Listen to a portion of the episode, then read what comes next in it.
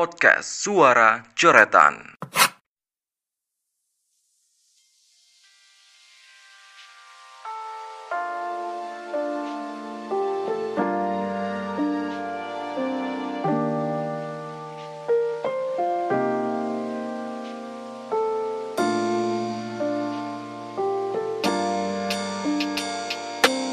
Halo, selamat datang di podcast Suara Coretan.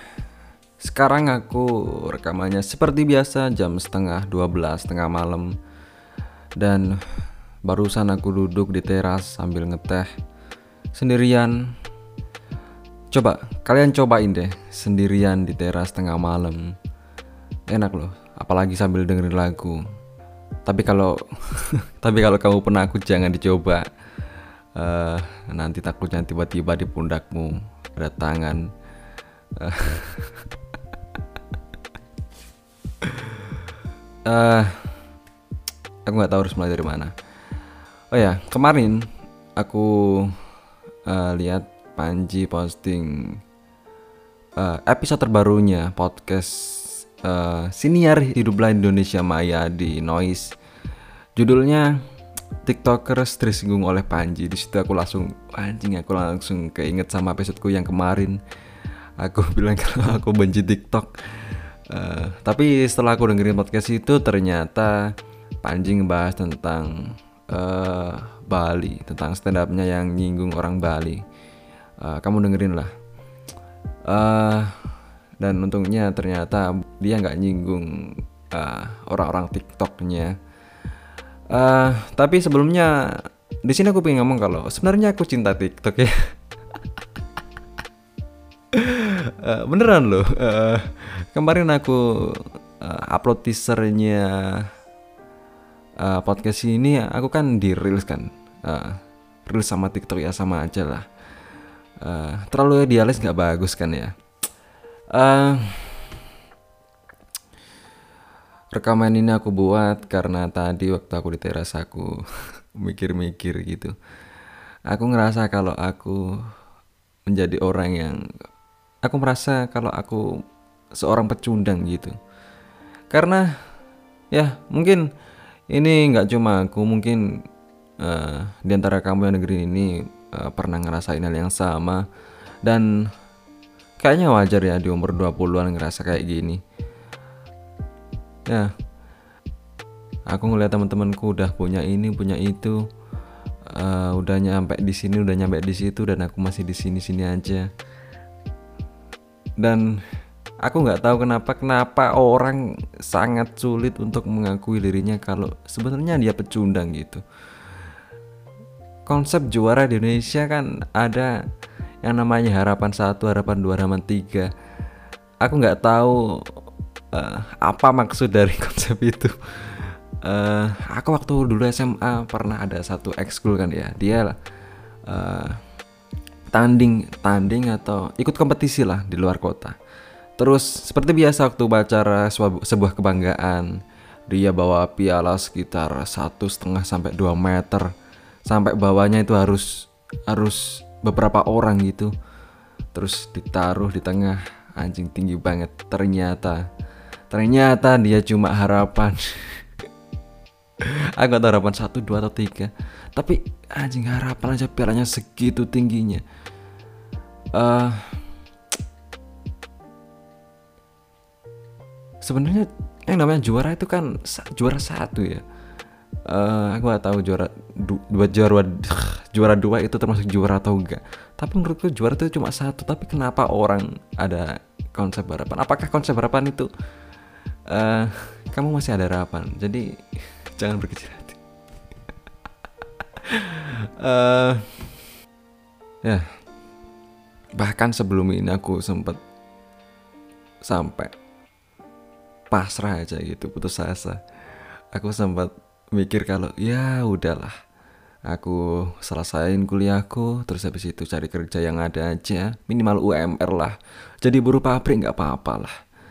Terus uh, yang penting 3 juta sebulan UMR ya masih cukup lah. Masih bisa kredit motor. Rumah. Eh rumah. Ngontrak bisa lah mungkin ya. Terus eh terus terus aduh aku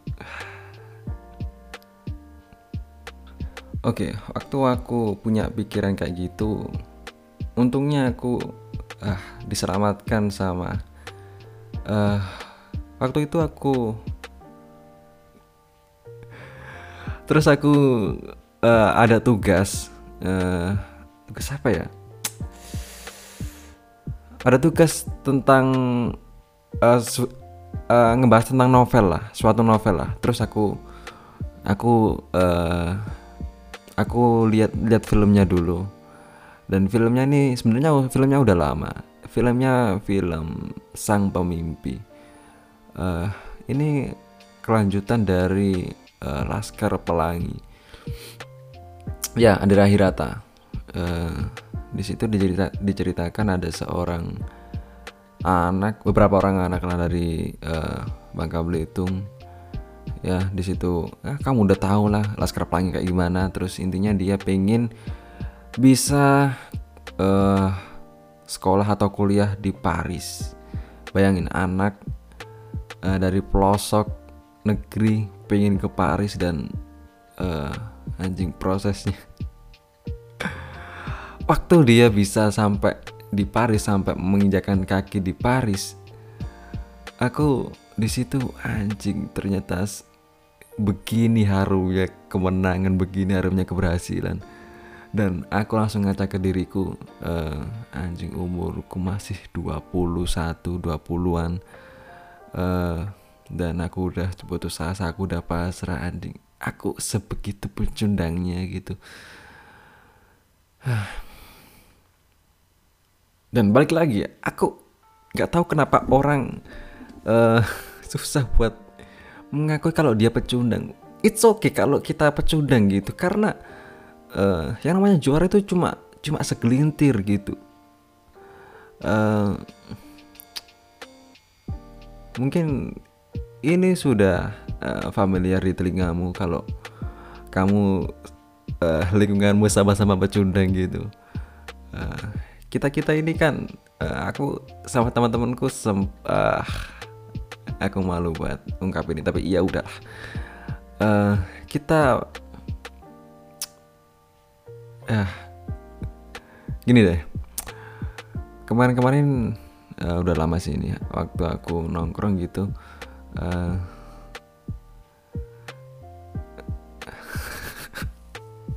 aku masih bingung harus ngomong kayak gimana. Eh ya kayak gini. Di lingkunganku kita itu eh, sebenarnya sirik sama orang-orang seumuran kita terus dia udah berseragam dia udah dinas di mana gitu ya let's say polisi lah. Eh, bahasa kita kalau sirik ke mereka kan ya si- ya idaman idamannya arek. Eh, kit- ah, aku di sini aku aku mengakui kalau aku sirik aja gitu. Dan ah, di situ kita duduk beberapa orang terus ngebahas eh, gimana masuk jadi polisi itu harus habis berapa.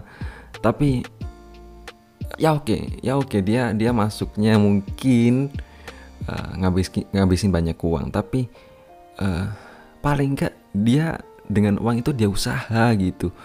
Sedangkan kita kita nih yang duduk ngopi eh, kita kita ini pecundang gitu. Kita kita ya Allah ya Allah.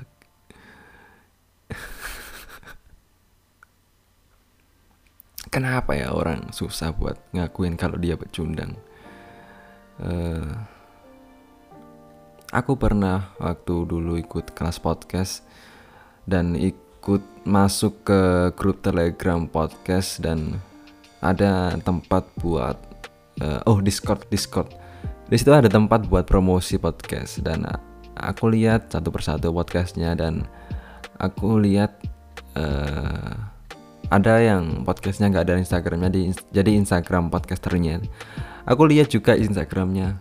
Ada yang eh, di bio instagramnya dia nulis CEO terus nama podcastnya.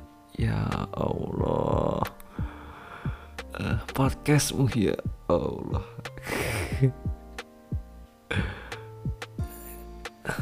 Kamu tuh kok bisa ya orang kayak gitu? Bahkan uh, sebelum ini kabarnya waktu dulu rame-ramenya uh, clubhouse di situ kan tempat orang-orang sharing ngobrol uh, katanya aku nggak tahu aku juga pengguna Android. Uh, dan banyak orang mengaku sukses dan nge-share pengalamannya. Uh, ya aku nggak tahu lah. Aku nggak tahu gimana orang bisa ngeklaim dirinya sukses terus tanpa diminta tanpa diminta nge-share terus dia nge-share nge-share pengalamannya. Ya nggak tahu lah itu diminta atau enggak tapi aku denger denger denger kabarnya banyak orang mengaku sukses gitu. Dan kalau dia belum sukses tapi uh, ya oke okay lah kalau dia belum sukses tapi uh, udah melalui banyak hal gitu katakanlah. Tapi uh, untuk nge-share pengalaman seakan-akan dia sukses itu kan uh, tapi aku uh, setengah percaya nggak percaya karena sekarang anak muda udah bisa bisa dapetin duit banyak gitu. Aku nggak mau ngebahas tentang uh, afiliator atau apa enggak uh, aku lihat uh, kontennya Creative Fox di Instagram eh YouTube kalau nggak salah. Ya di YouTube. Di situ ada konten tebak omset.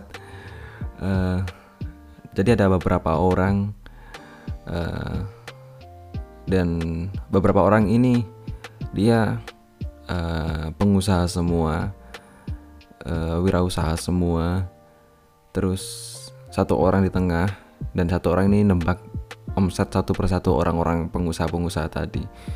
Dan yang mengagetkan kalau nggak salah yang paling muda itu omsetnya yang paling gede omsetnya bisa sampai 5M 5 atau 10M yang nggak tahu. 5 uh, ya sekitar 5M pun itu banyak gitu. Kamu lihat sendiri lah di situ. Uh, dan bisnisnya skin skincare. Kalau skincare aku masih percaya karena skincare sekarang merajalela kan. Uh, dan aku atau mungkin kamu kita masih di sini sini aja gitu. Dan ya it's okay buat ngakuin kalau kita itu pecundang karena kita belum menang kita belum sukses. Ya jangan bandingin dirimu sama kehidupan orang lain. Ya aku percaya itu tapi ngebandingin diri sendiri sama orang lain kadang-kadang perlu ya untuk mengakui kalau kita itu cuma segini gitu. Udah itu aja mungkin yang pengen aku omongin di episode kali ini. Dan Ya, episode kali ini nggak ramah sama mental health kamu karena seperti yang udah aku tulis di teasernya podcast ini kalau podcast ini nggak ramah sama kesehatan mentalmu jadi sebelum kamu dengerin ini atau kalau kamu baru dengerin ini setiap mau dengerin podcast ini siapin mentalmu karena aku nggak peduli sama kesehatan mentalmu. Jadi biasakanlah dirimu. Waduh apa sih oke mungkin cuma itu aja seperti biasa uh, buat kamu yang udah dengerin ini buat kamu yang udah aku jatuhin mentalnya aku ucapin terima kasih